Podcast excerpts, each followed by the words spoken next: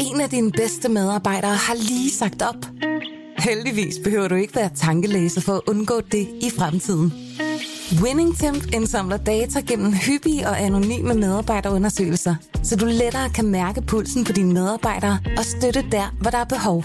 Kunder som Alfa Laval, Orkla og Volvo bruger allerede WinningTemp og ser, at det øger trivsel, reducerer turnover og hjælper med at fastholde talenter. Få gratis gennemgang allerede i dag på winningtemp.com.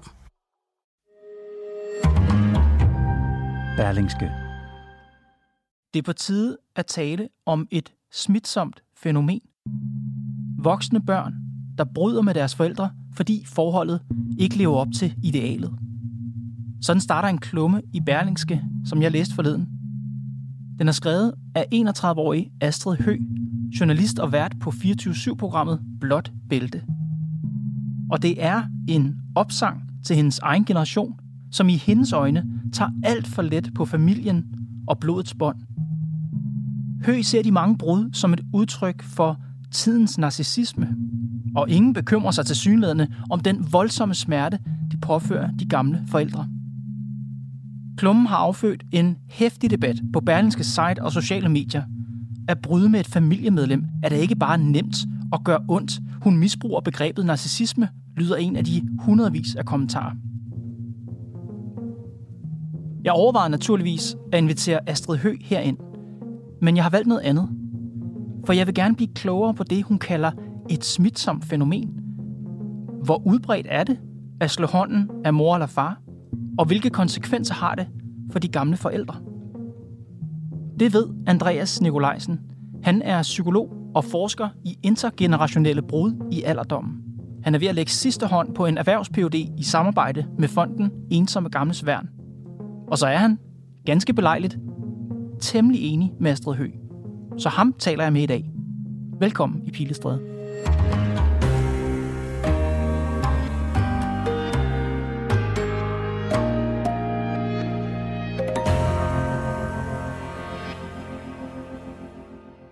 Psykolog og forsker, og du har valgt at kaste din kærlighed eller faglighed over ældre mennesker.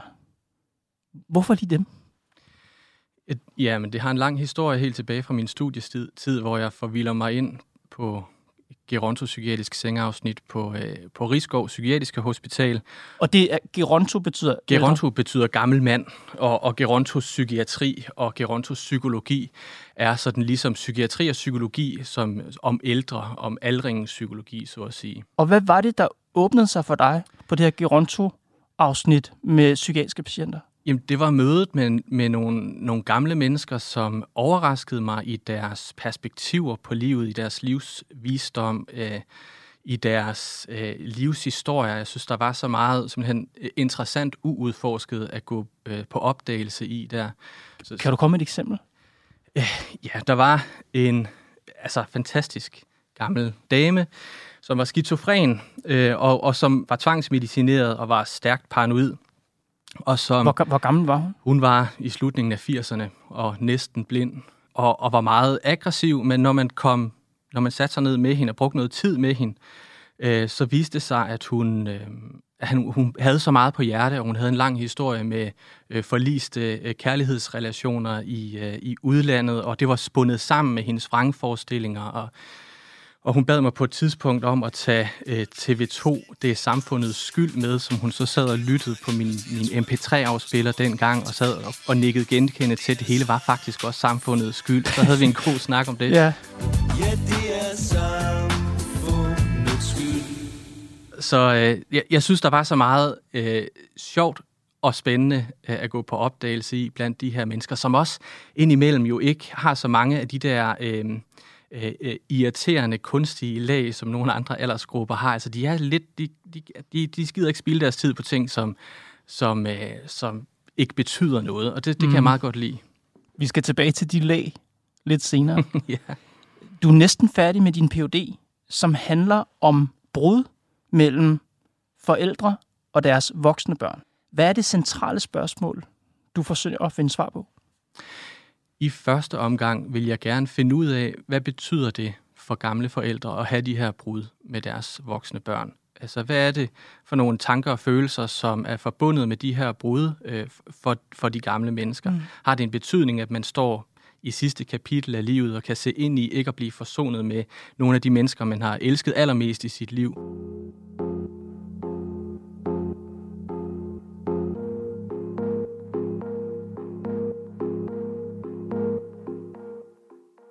Prøv at starte med at indkreds fænomenet for mig, altså brud mellem voksne børn og deres forældre. Hvor udbredt er det?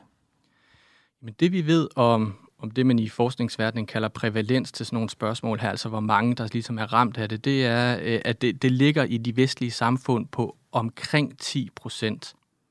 Jeg synes, det er helt vildt. Jeg synes, det virker helt virkelig voldsomt på mig, at 10 procent af befolkningen gennemgår det her. Altså brud mellem forældre og børn. Er der en udvikling i det her? Det ved vi ikke med sikkerhed, men vi kan pege på nogle ting, der tyder på, at det er et fænomen, som er i, i, i vækst. Altså det sker mere og mere i den vestlige kulturkreds.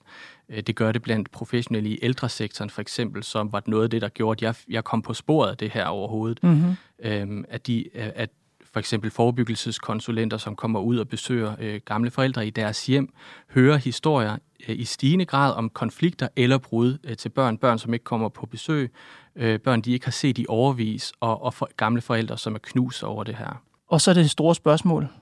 Hvis der er en stigning, hvorfor ser vi så den stigning?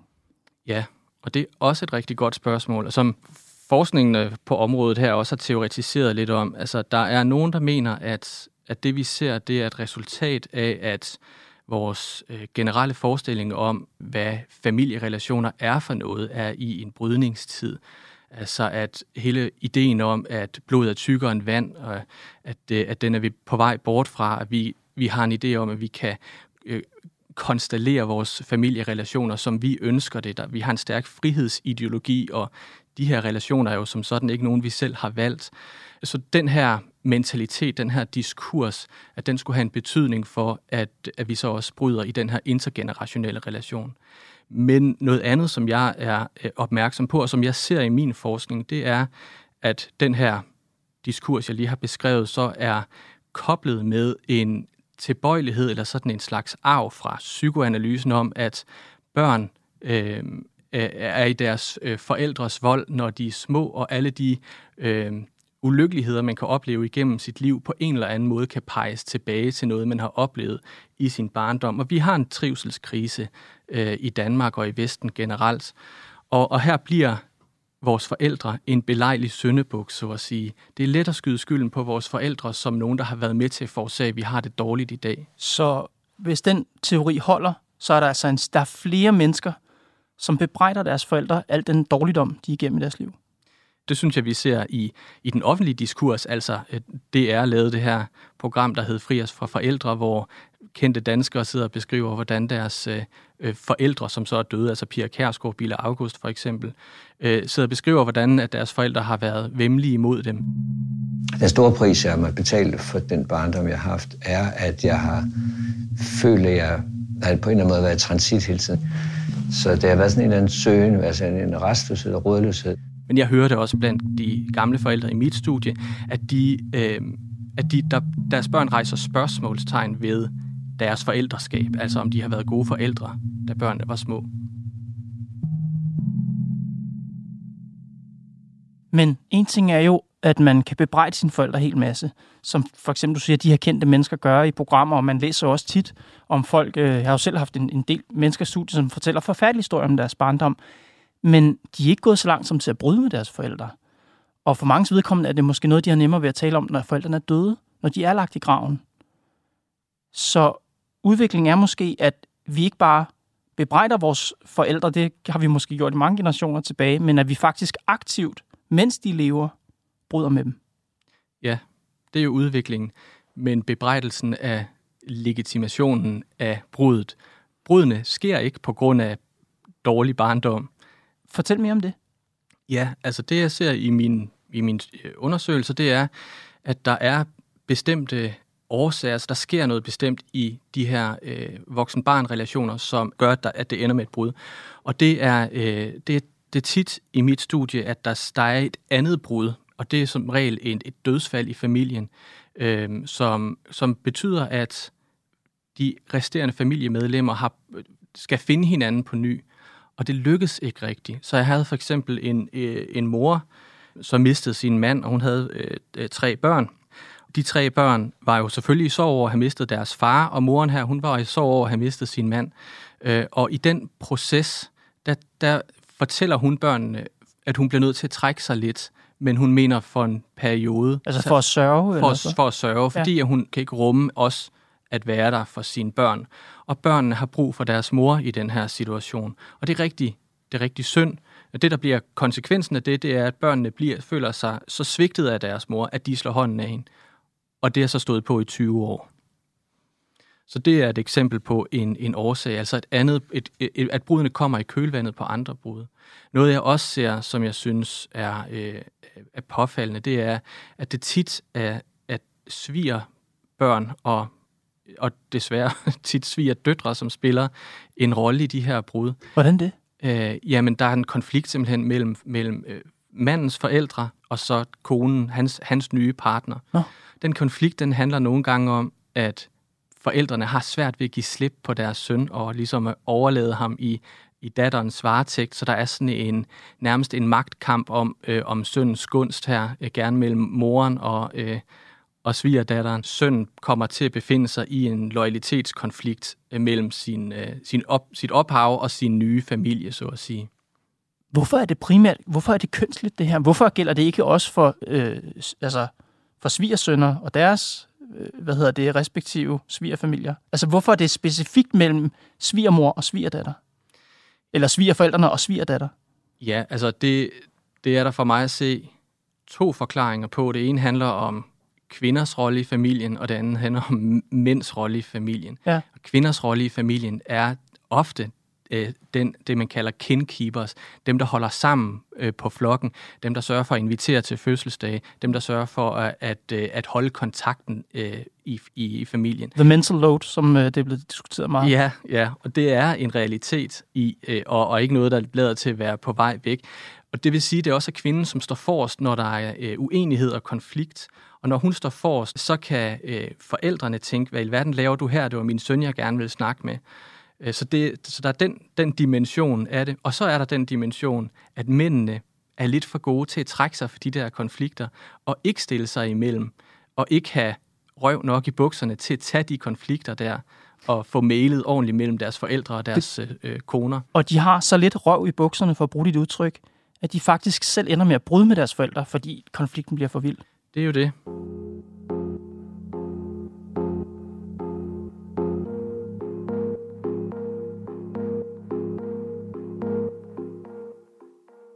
Du undersøger, hvordan gamle forældre oplever de brud. Hvordan er det for dem at tale med dig om det? Det er øh, sorgfuldt og skamfuldt. Så øh, der, der, der er en del forældre, som øh, trak deres indledende samtykke tilbage, fordi at de, det virkede simpelthen for stærke følelser øh, hos dem, og de havde ikke lyst til, at jeg skulle øh, rippe op og komme og rippe op i noget, som det var lykkedes dem at på en eller anden måde begrave øh, et sted. Og det er vel at mærke mennesker, som jo første omgang har sagt, ja Andreas, vi vil gerne tale med dig. Og når det så kommer tæt på, så er det så smertefuldt, at det kan de faktisk ikke. Ja, og det er også det, som jeg så hører blandt dem, som, som jeg så får snakket med, at det er meget, meget smertefuldt. Jeg synes, øh, Astrid Johanne Hø, som jo har skrevet, jeres, øh, skrevet de fine indlæg i, i, øh, i jeres avis, beskriver det egentlig meget fint ved at sige, at det føles som at blive begravet levende. Er det Øh. det, fordi Astrid er jo en ung kvinde, er det det, de her gamle forældre, er det de ord, de bruger over for dig? Det er ikke, nej, det er det ikke, men, men det passer godt til den, øh, den, de andre ord, de bruger. Så der er for eksempel en mor, som sagde, at øh, det føles som øh, øh, en kærestesorg, som aldrig ville gå væk. At hun havde haft, hun har brudt med sine øh, to børn og er skilt fra faren, og, og de har ligesom valgt farens side. Og hun er, hun er bred på faren, sin eksmand, og, og mener, at det er ligesom er hans skyld det hele. Og hun er øh, i i dyb sorg på 15 år over at have mistet sin øh, søn og datter. Igen skal vi lige huske, at dem, du er interesseret i her, det er jo de ældre. Så de forældre, du taler med, det er folk over 75, er det korrekt? Ja, det er det, ja. Du har ikke talt med deres børn, dem, der har gennemført brudene. Hvorfor ikke? Det har jeg ikke, fordi jeg synes, at, øh, at det er min, min opfattelse, min oplevelse, at de gamle forældre øh, lider i stillhed. Altså børnenes perspektiv er stærkere repræsenteret. Det er det både i forskningen, men sådan set også i den offentlige debat. Og der er nogle mennesker, som lider i stillhed, som er den svage part for mig at se i det her, den kasserede part, og dem, der ikke har magt. Kan man sige, at du er mere optaget af lidelsen, end af årsagen til lidelsen? Ja, det kan man godt sige. Jeg, jeg er optaget af, at det her det er en tragedie, øh, og øh, jeg er også optaget af årsagen, men jeg ser... Øh, altså der, der er lige så mange årsager, som der er brud, øh, og årsager kan være, jeg, kan, jeg kan godt klassificere og kategorisere årsagerne, men, men der er ikke nogen øh, årsager, som er øh, altså sådan, hvad kan man sige, øh, nødvendige. Altså der, er ikke, der, der kan ikke ske noget i en forældre-barn-relation, som nødvendigvis skal forårsage brud. Altså en øh, psykolog i USA, der hedder Joshua Coleman, som har beskæftiget sig rigtig meget med det her, beskriver for eksempel, hvordan at øh, øh, selv sådan noget som seksuel misbrug i barndommen ikke nødvendigvis fører til brud. Altså, der kan, selv de, de værst tænkelige ting, der kan foregå i den her relation, er ikke nødvendigvis noget, der forårsager brud. Her skal vi være på tæerne, og det kommer jeg til at være i resten af interviewet, for her er du inde og røre ved, hvad skal man sige, en opdeling i noget med et fænomen, og så i en holdning til et fænomen når du bruger ord som nødvendigvis. Mm-hmm. Fordi der er en, en ting er at beskrive et fænomen og sige, ja, øh, vi kan jo se, at det ikke nødvendigvis fører til brud. For eksempel i familier med seksuelt misbrug. Selv i familier med seksuelt misbrug fører det ikke nødvendigvis ja. til brud. Men det er jo at sidde og kigge på empiri. Det andet nødvendigvis er, om det ligesom er et, det, det er et moralsk nødvendigvis. Hvor står du i forhold til det? Der findes nødvendige brud.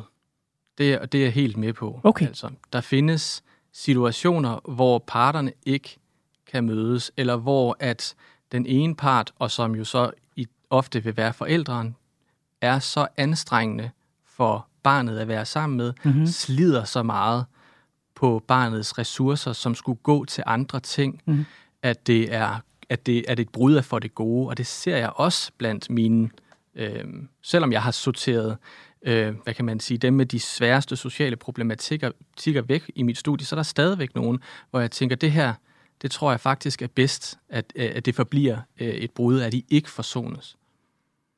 Måske har alle børnene, altså voksne børn til de gamle forældre, du har talt med, måske har de alle sammen følelsen af, at i deres situation er det nødvendigt.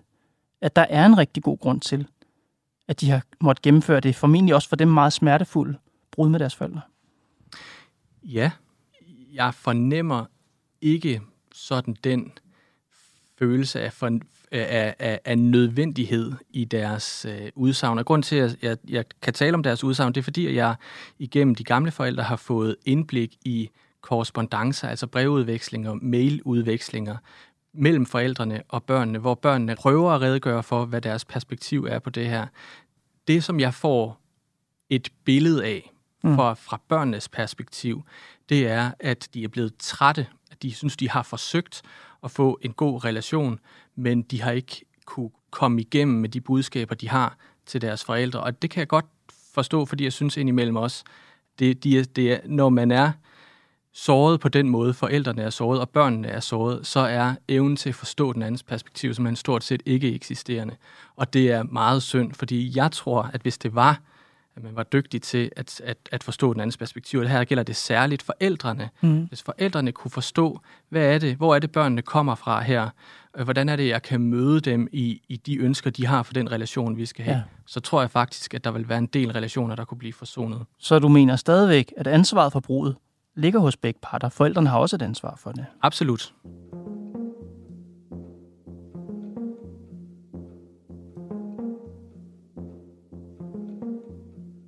Lad os se lidt nærmere på, hvorfor jeg inviterede dig herind. Altså udover, jeg synes, det er vildt spændende, at du bare har beskrevet fænomenet for os, så er jeg interesseret til de holdninger, der bliver diskuteret lige nu. Og jeg læste jo et debatindlæg af Astrid Høgh, der er journalist og vært på programmet Blåt Bælte på 24-7. Det er hende, der egentlig har kickstartet det her. Og hun skriver sådan her. Jeg ser de mange frivillige brud som et udtryk for tidens narcissisme. Den er iboende i os alle og kan finde moralsk støtte i moderne psykologi. Den har lært nutidens unge voksne at begrunde deres valg med, at de skal beskytte sig selv. Hvad tænker du om det? det er helt grundlæggende, synes jeg, at hendes indlæg er meget velkommen, fordi at hun øh, repræsenterer et, øh, et ellers fortidet perspektiv. Øh, men at kalde børnene narcissister, fordi de bryder med deres forældre, det, det mener jeg ikke er en, en korrekt analyse. Altså. Hvad synes du så, det er, der er velkomment i hendes indlæg? Jeg synes, hendes blik for, at det her er noget, der findes i vores samfund, som betyder, at der er nogle gamle forældre, som lider.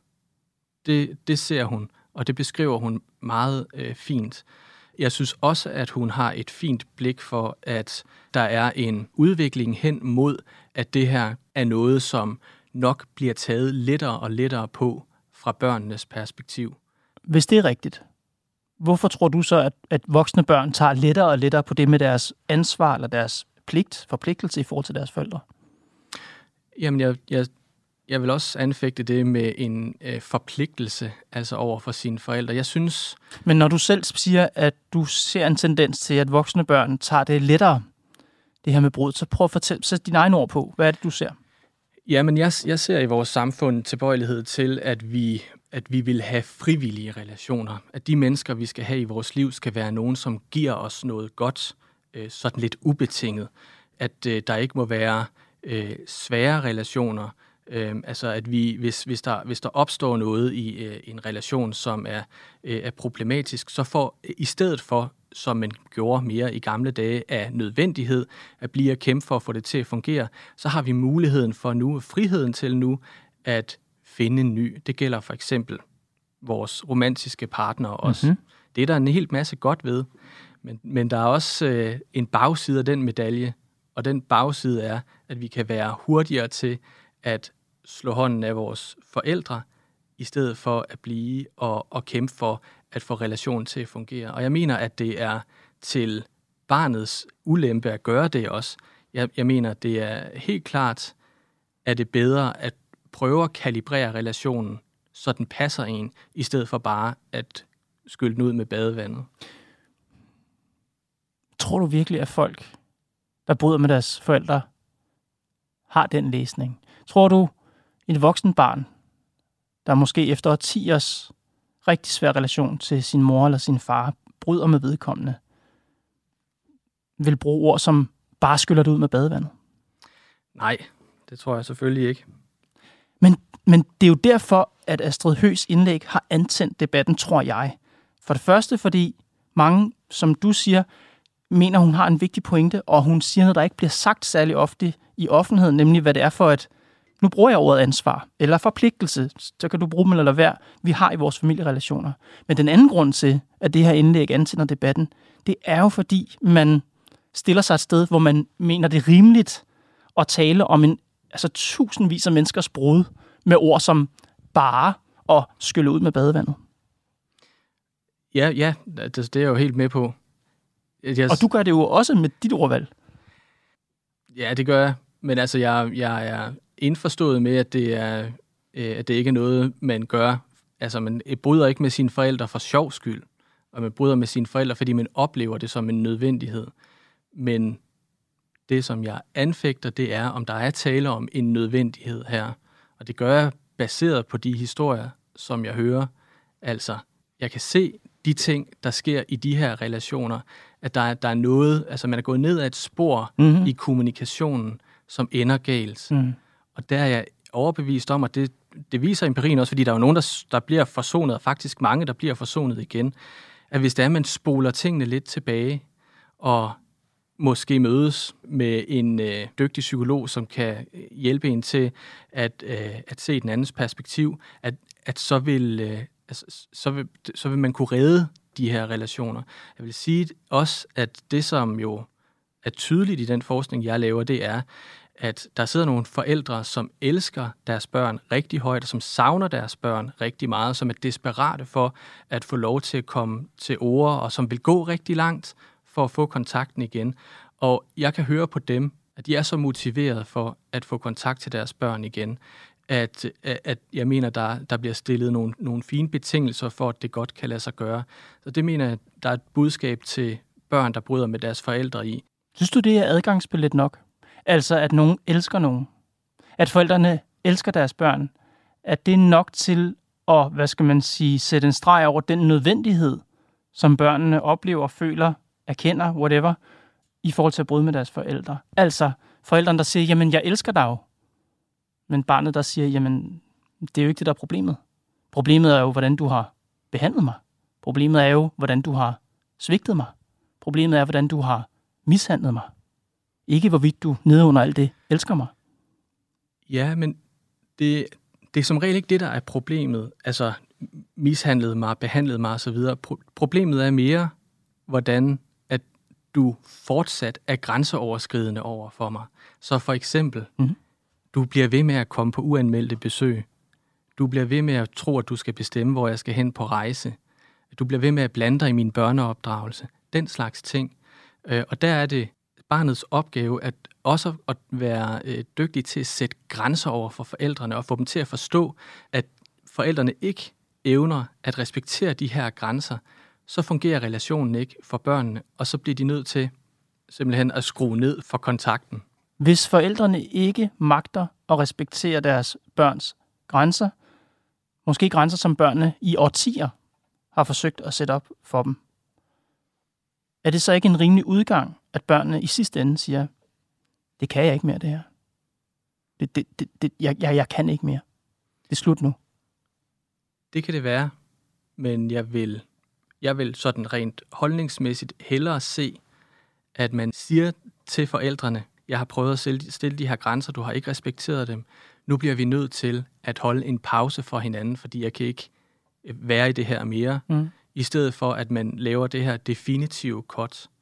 Øh, noget, som øh, skinner rigtig meget igennem, både i min forskning, men også i international forskning, det er, at forældrene er efterladt med øh, en øh, altså med et stort med et stort spørgsmålstegn. Altså de, de ved simpelthen ikke hvorfor. Jeg snakkede med en øh, en ældre dame, som sagde, at hendes datter havde øh, sagt, øh, eller hun har spurgt, hvorfor er det, at øh, vi ikke ser hinanden? Og så havde datteren sagt, fordi du altid ser så sur ud.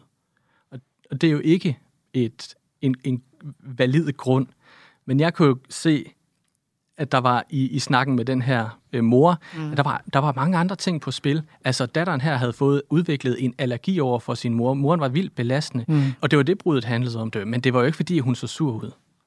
Kan du, hvad skal man sige, nå frem til, men kun via morens perspektiv. Du har jo ikke talt med datteren. Du har jo ikke en indgående forståelse af datterens perspektiv. Jeg har ikke en indgående forståelse af datterens perspektiv, og jeg, jeg vedgår mig 100%, at det er jo et stort hul i den forskning. Det kan være, at moren bare siger, at måske finder moren på det. Jamen, det er fordi, at hun siger, at jeg altid ser sur ud. Det lyder ikke som nogen. Det lyder ikke som en grund til at bryde med sine forældre, vil jeg sige. Jeg tror, der ligger noget andet bag. Altså, det er det, der er min mistanke, eller min sådan overvejelse med din forskning, det er, kan du, se, kan du se klart, når du kun taler med den ene part, så kan det godt være, at du kigger på nogle brevvekslinger, men kan du se klart som psykolog, hvis du ikke indgående har talt med den anden part i sagen også? I brevvekslingerne og i, i, i de korrespondencer, jeg havde adgang til, der synes jeg, at jeg kan se det klart. I de samtaler, jeg har haft med de mange forældre, der er det klart, at der er nogle, øh, nogle ting, som sådan henlægger lidt i togerne øh, for mig. Altså, jeg har ikke børnenes perspektiv, men jeg kan se i nogle af de ting, forældrene siger om dynamikken i relationen, at der kunne være noget på spil her, som kunne forårsage, at, øh, at dine børn øh, oplever dig som en belastning, og som, som svær at kommunikere med. Mm. Så, men altså, det, det er klart, jeg, jeg, det er jo helt rigtigt, at jeg ikke har det, det andet perspektiv lige så indgående. det var helt tydeligt, da jeg spurgte dig i starten, Andreas, at du har jo en, en kærlighed for, eller i hvert fald en stor interesse i ældre menneskers velbefindende. Og jeg ved, at du ved siden af din forskning i det her med brudene, også hjælper ældre med at få genskabt kontakten til deres voksne børn. Fortæl lidt om det. Jamen, det er jo, når jeg optræder øh, forskellige steder i medierne med, med det her tema, så er der nogle forældre, som jo får færden af, at måske kunne jeg hjælpe dem med at få kontakt til deres børn. Så henvender de sig til mig, og så prøver jeg så, så godt jeg kan med de midler, jeg har øh, til rådighed, at, øh, at prøve at guide dem på vej, gerne i, ved at hjælpe dem med at formulere et brev. Så i stedet for at ringe op for eksempel, eller endnu værre møde op på barnets øh, bogpæl eller arbejdsplads, som jeg har mange eksempler på forældre, der har forsøgt at gøre, så det er bedre med brevet. Så kan barnet modtage det, åbne det, når, når barnet sidder for sig selv og er klar til det. Og så handler det om at få formuleret det ønske, man har i de her breve, i stedet for at gå øh, til forsvar for de beskyldninger, man har oplevet, barnet har, øh, har rettet mod en. Andreas Nikolajsen, tusind tak, fordi du kom Pilestred. Selv tak. Det var Pilestræde for i dag. Hvis du er interesseret i den her debat, så kan du læse Astrid Høs indlæg på berlingske.dk. Du kan også se et modsvar fra en familieterapeut, som beskriver de voksne børns perspektiv. Pilestræde er lavet af Mads Klint, Johanne Dibjerg Holgersen og mig, Kåre Svejstrup. Vi er tilbage i morgen.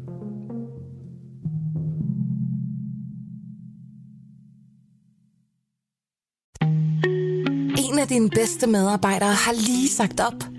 Heldigvis behøver du ikke være tankelæser for at undgå det i fremtiden. WinningTemp indsamler data gennem hyppige og anonyme medarbejderundersøgelser, så du lettere kan mærke pulsen på dine medarbejdere og støtte der, hvor der er behov.